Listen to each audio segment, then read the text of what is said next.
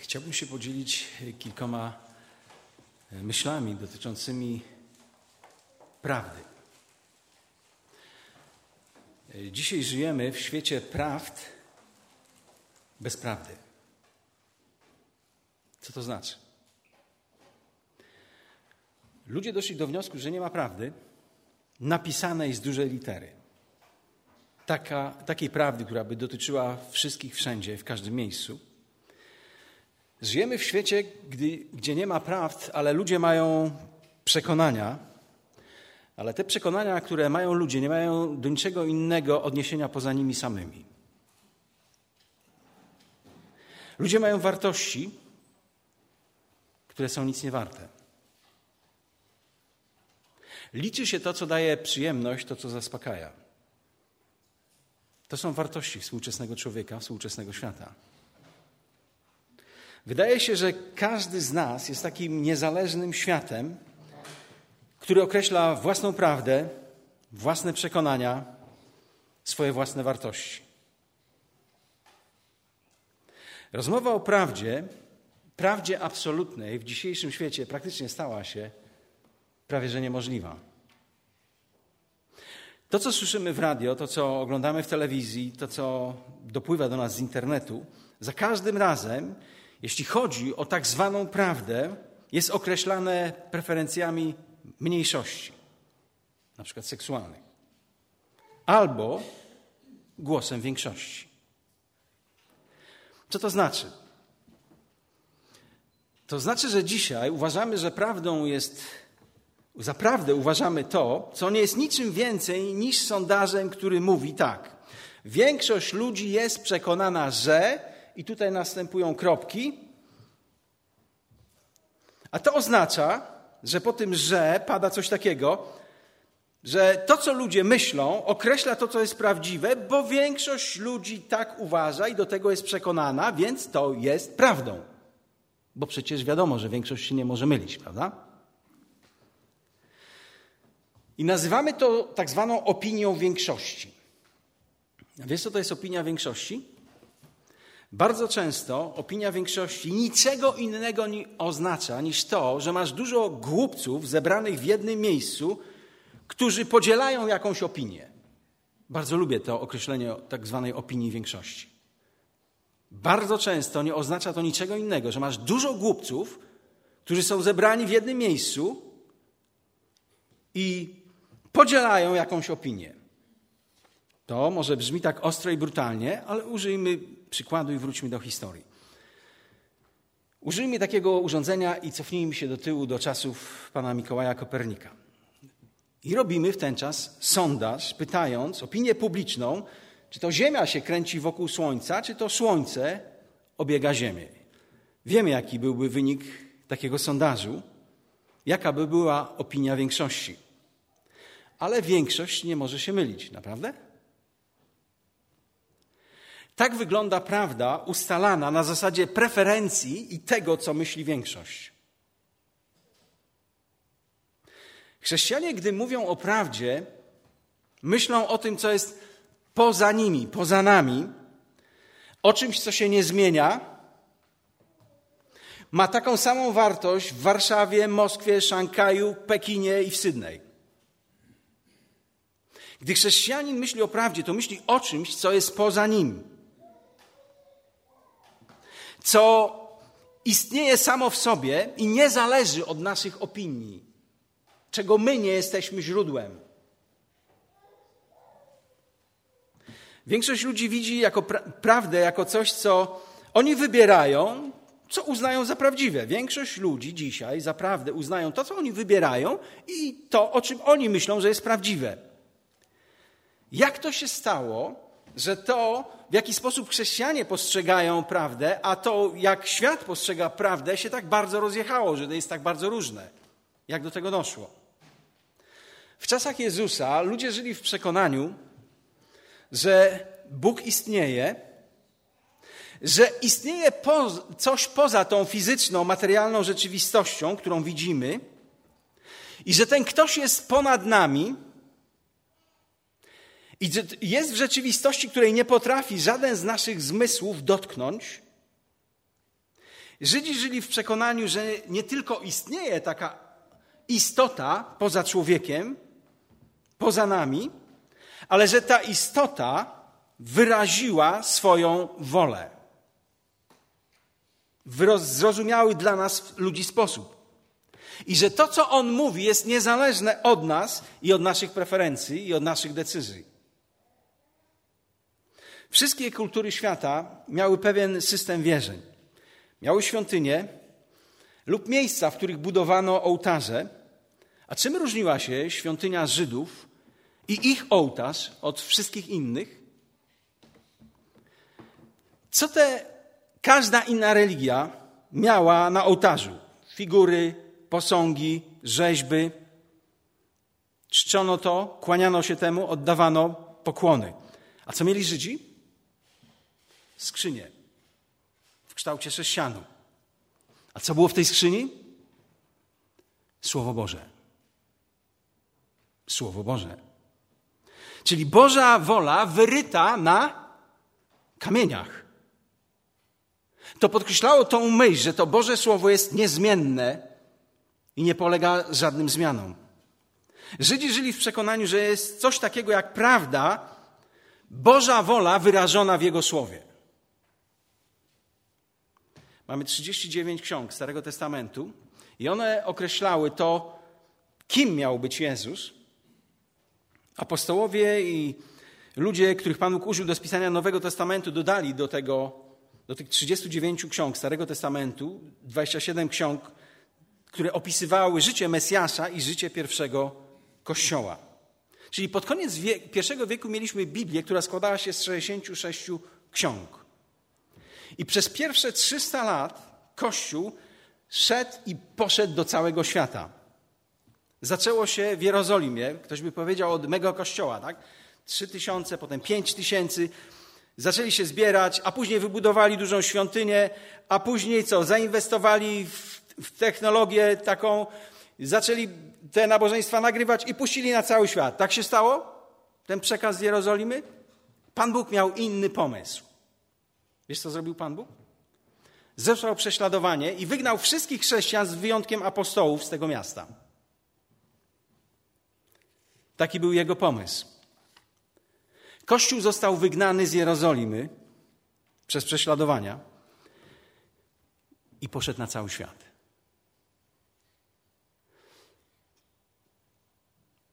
Dzieje apostolskie, pierwszy rozdział, ósmy werset mówi: I stąpi na was Duch Święty, i co się stanie? I będziecie mi świadkami. W Jerozolimie, w Samarii i aż do krańców świata. I po 300 latach ludzie odkryli, że żyją w innym świecie. Nie było krucat ewangelizacyjnych. Nikt za darmo z chrześcijan nie mył samochodów, żeby sprowokować ludzi, dlaczego za darmo to robią. Nikt z chrześcijan nie rozdawał za darmo napojów, żeby sprowokować ludzi do pytań właśnie, dlaczego to jest robione. Nikt nawet nie drukował traktatów, nawet nie było programów radiowych. A jednak działa się jedna rzecz, której często dzisiaj nie ma wśród chrześcijan. Ludzie, którzy poznali Jezusa, wszędzie szli i o nim mówili. I zaczynali inaczej żyć.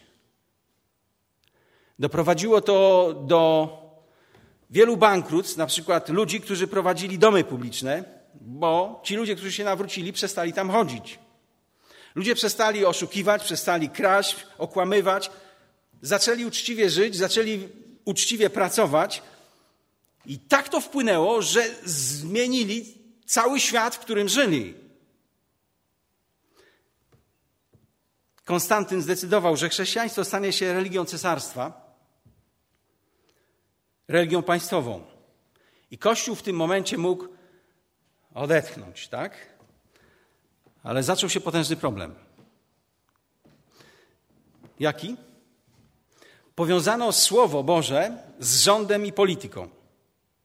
To nigdy dobrze się nie kończy. I kiedy chrześcijaństwo stało się religią państwową Cesarstwa Rzymskiego, zaczęliśmy tworzyć nie Kościół, nie Boże Królestwo, ale kościoły. Zaczęto budować katedry. Wspaniałe świątynie.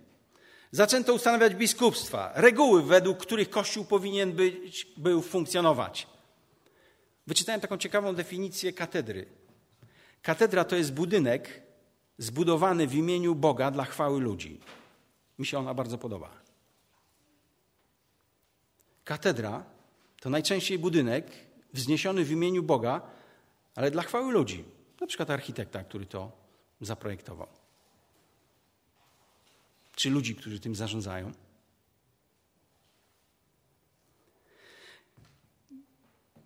Biblia znalazła się w rękach niewielu ludzi. Postanowili oni, że to oni będą określali, co Biblia ma nam, ludziom, do powiedzenia. I po ponad 1100 czy 1200 latach takiego określania znaleźliśmy się w miejscu, w którym nie wiedzieliśmy, jako ludzie, co jest tradycją, a co jest Słowem Bożym. Rozjechaliśmy się z prawdą, z tym, co objawia Bóg. Zaczęło nam się mylić, co jest tradycją, a co jest Słowem Bożym, co rozjazd był pomiędzy tym, co powiedzieli ludzie, a tym, co powiedział Bóg, bo często to, co mówili ludzie o tym, co powiedział Bóg, to w ogóle Bóg tego nigdy nie powiedział. 1517 rok. Pojawia się mnich augustiański Marcin Luther. Postanowił, że czas wrócić do sedna, do prawdy, do odkrycia tego, co jest prawdą. I uważał, że papież, który był ówczesną głową kościoła, usłyszy gdy usłyszy o tym, co się dzieje po prostu w kościele, tam daleko od, od Rzymu, to, co jest robione w imię Słowa Bożego, a tak naprawdę to była tylko tradycja, myślał, że gdy to, ta informacja dojdzie na samą górę kościoła, to coś zostanie z tym zrobione. Papież to zatrzyma.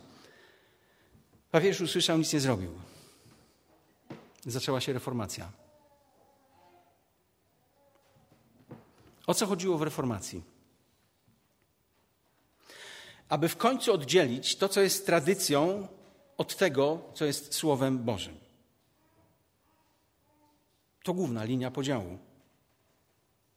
Czyli oddzielenie tego, co było tradycją, od tego, co jest Słowem od samego Boga.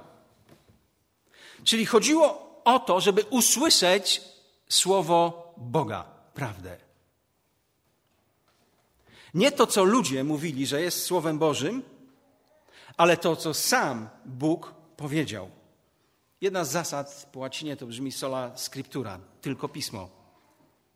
Czyli pragnieniem reformatorów, tych ludzi, którzy jako pierwsi zaczęli tłumaczyć Biblię na języki oryginalne, między innymi Wycliffe, Luther, Tyndale, było ich takim pragnieniem, aby to Słowo Boże znalazło się w, w rękach każdego człowieka.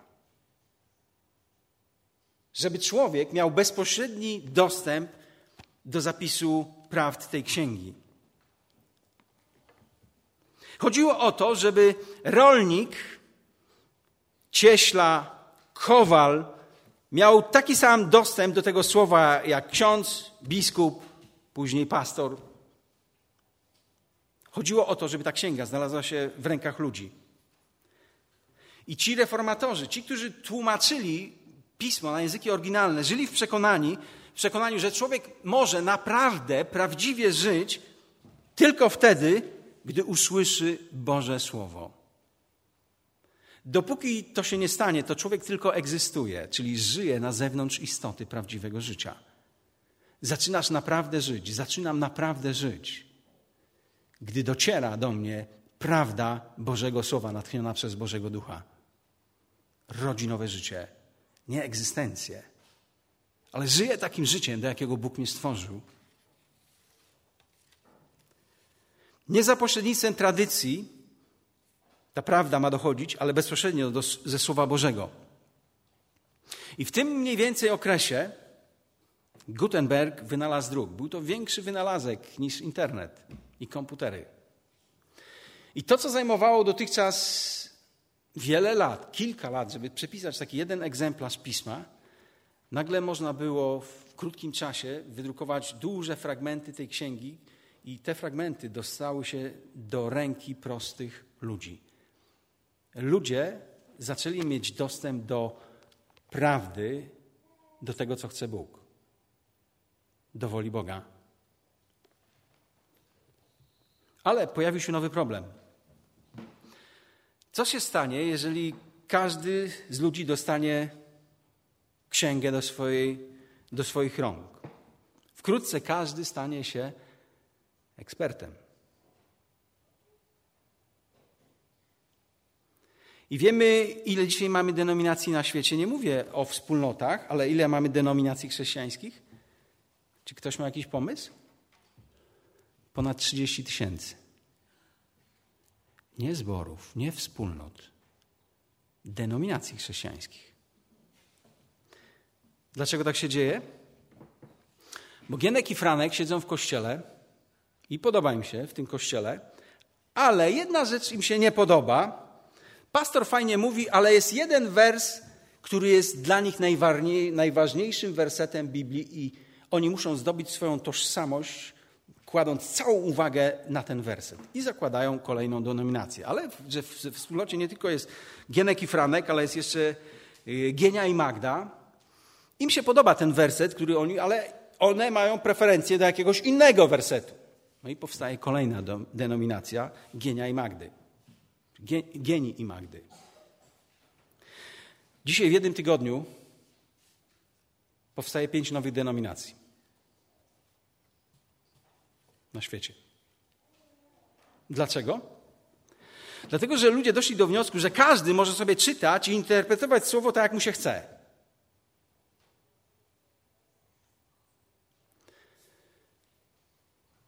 Część z nas, którzy mają już trochę lat, to albo my sami, albo u naszych rodziców często na półkach e, było kilka opasłych tomów, na przykład słownika języka polskiego, tak? Mądra, dobra książka, czy te tomy zawiera fajną, dobrą, pożyteczną wiedzę. I teraz podchodzisz do tej księgi i zaczynasz czytać na przykład takie słowo, znaczenie słowa każdy. I przeczytałeś, co znaczy w tej mądrej książce słowo każdy. A potem chcesz wiedzieć, co tak ten, e, jak ten słownik definiuje na przykład słowo, znaczenie takiego określenia jak warszawiak. No i przeczytałeś, co według tego słownika znaczy słowo warszawiak. A potem znalazłeś słowo złodziej. Też wyczytałeś, co w języku polskim znaczy słowo złodziej. I połączyłeś. Każdy warszawiak jest złodziejem. Z mądrej książki wyczytałeś? No z bardzo mądrej. Są pewne zasady interpretacji tej księgi. Między innymi pewien fragment, tekst bez kontekstu, bez tego, co jest z przodu i z tyłu tego fragmentu, jest tylko pretekstem do Twojej teologii. Tekst, druga zasada, niczego nie może oznaczać, czego nie oznaczał dla pierwszych słuchaczy. To Boże Słowo dla, dla Ciebie i dla mnie tutaj, teraz i dzisiaj nie może być innym słowem niż to, które dotarło do pierwszych słuchaczy. Czyli, żebym zrozumiał to słowo, muszę usłyszeć je tak, jak usłyszeli je pierwsi adresaci tego słowa. I dopiero to pierwotne znaczenie może i będzie kontrolowało moją interpretację, co czy właściwie stosuję i rozumiem to słowo do mojego tu i teraz.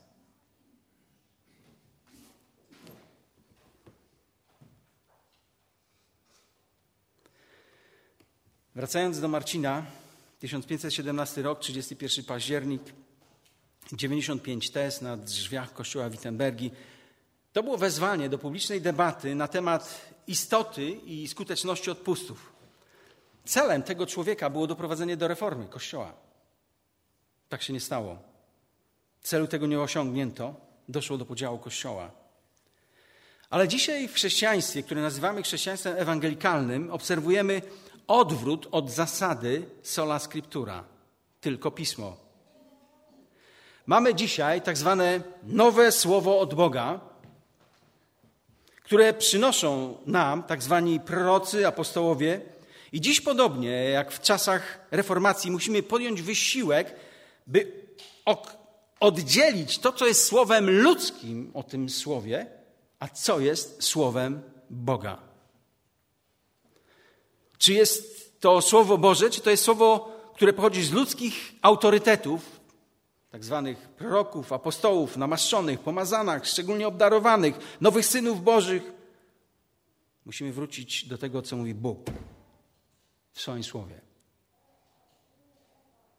Do objawionego Słowa Bożego w Piśmie Świętym. I to jest reformacja, której potrzebujemy. To jest reformacja, której ty i ja potrzebujesz, żeby gdy siadam do tej księgi, zanim ją otworzę, znam już treść tego, tego fragmentu i już wiem, co ono ma do powiedzenia. Nie, powinieneś pozwolić, żeby ta księga zaczęła mówić do ciebie, do mnie i zaczęła zmieniać to, co ja do tej pory wymyśliłem sobie, czy myślałem odnośnie tego fragmentu, żeby Bóg wreszcie do mnie mówił. Biblia mówi, cóż plewie do ziarna. Te słowa z księgi Jeremiasza. Nadchodzi Jezus, w ręku jego jest wyjadło, by oczyścić klepisko swoje i zbierze pszenicę swoją do spichlerza, lecz plewy spali w ogniu nieugaszonym.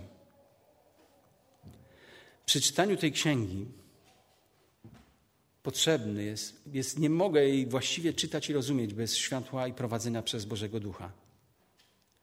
Jeden z ewangelistów powiedział, że czytanie tej księgi bez światła Ducha Świętego jest podobne do korzystania z zegara słonecznego przy świetle księżyca.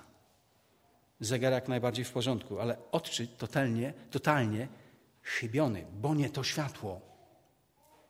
Jeżeli otwieram tę księgę, jestem zdany tylko na swój rozum i nie prowadzi mnie w tym czytaniu Duch Święty, to mój odczyt będzie chybiony tej księgi.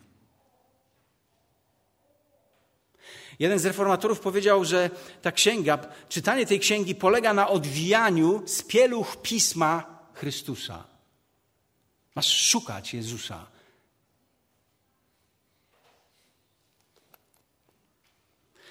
To Boże natchnienie nie tylko było potrzebne w momencie, gdy Bóg użył ludzi do spisywania 66 ksiąg tej księgi. To natchnienie jest również potrzebne Tobie i mi każdego dnia, za każdym razem, gdy pochylam się i otwieram tę księgę.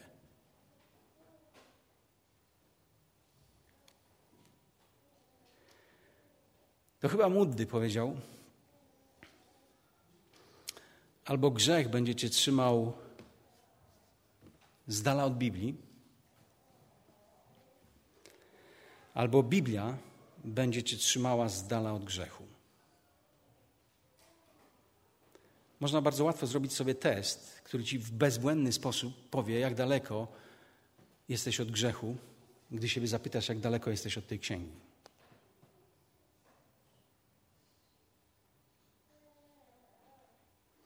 Jezus nie powiedział, ja wam powiem, co jest prawdą, ja wam powiem, jak należy żyć. Jezus nie powiedział, ja wam pokażę drogę. Brzmi to jak herezja, to co mówię? Jezus tak nie, nigdy nie powiedział. Jezus powiedział: Ja jestem prawdą, ja jestem drogą, ja jestem życiem. Szukaj Jezusa. I niech Duch Święty Ciebie i mnie w tym prowadzi. Szukaj prawdy, bo tylko prawda uwalnia. Tylko prawda uwalnia. Jezus jest prawdą. Chcesz żyć w wolności w świecie pełnym kłamstw?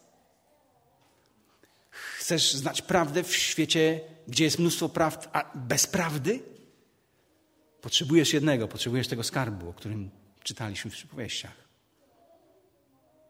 Potrzebujesz Jezusa. Powstańmy i módlmy się.